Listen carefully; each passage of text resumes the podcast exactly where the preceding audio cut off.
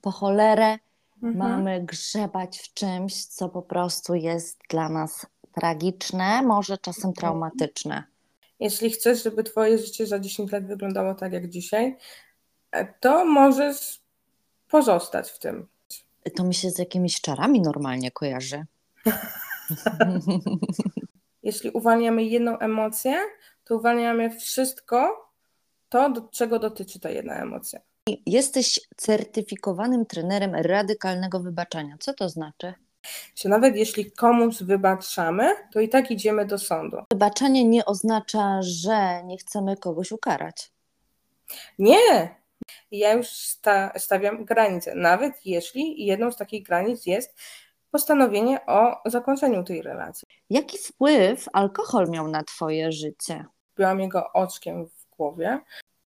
Wiele osób e, nazywa mnie gwiezdnymi dziećmi. Ja jako dziecko miałam e, inteligencję interpersonalną wewnętrzną. To cały czas będąc ze sobą w tym e, rozwoju, jeszcze Mhm. siebie nie poznałaś i nie odnalazłaś? Nigdy nie znajdę nikogo wartościowego. Stop. Czemu ja chcę być ofiarą? Czemu nie mam być, nie mam być bohaterem swojego życia? Cholera jasna.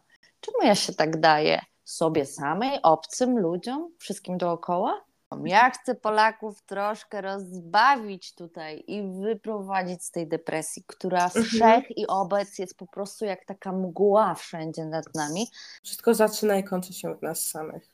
Specjalnie weszłaś w związek z narcyzem. Twojego powie, nie, przecież co ty mówisz, nie? Czego doświadczyłaś dzięki temu związkowi? Troll również jest naszym uzdrawiającym aniołem. Powiem coś bardzo e, szokującego dla wielu. Hitler e, jest również naszym uzdrawiającym aniołem. On jako dusza przyjął na siebie taką rygorystyczną rolę do odegrania.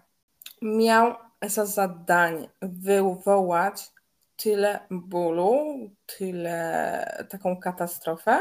I wiem, że 90% oglądających teraz wyłączy e, ten podcast. Jak kurwa mać za przeproszeniem, Hitler jest zbawicielem. Uzdrawiającym aniołem. Nic nie rozumiem.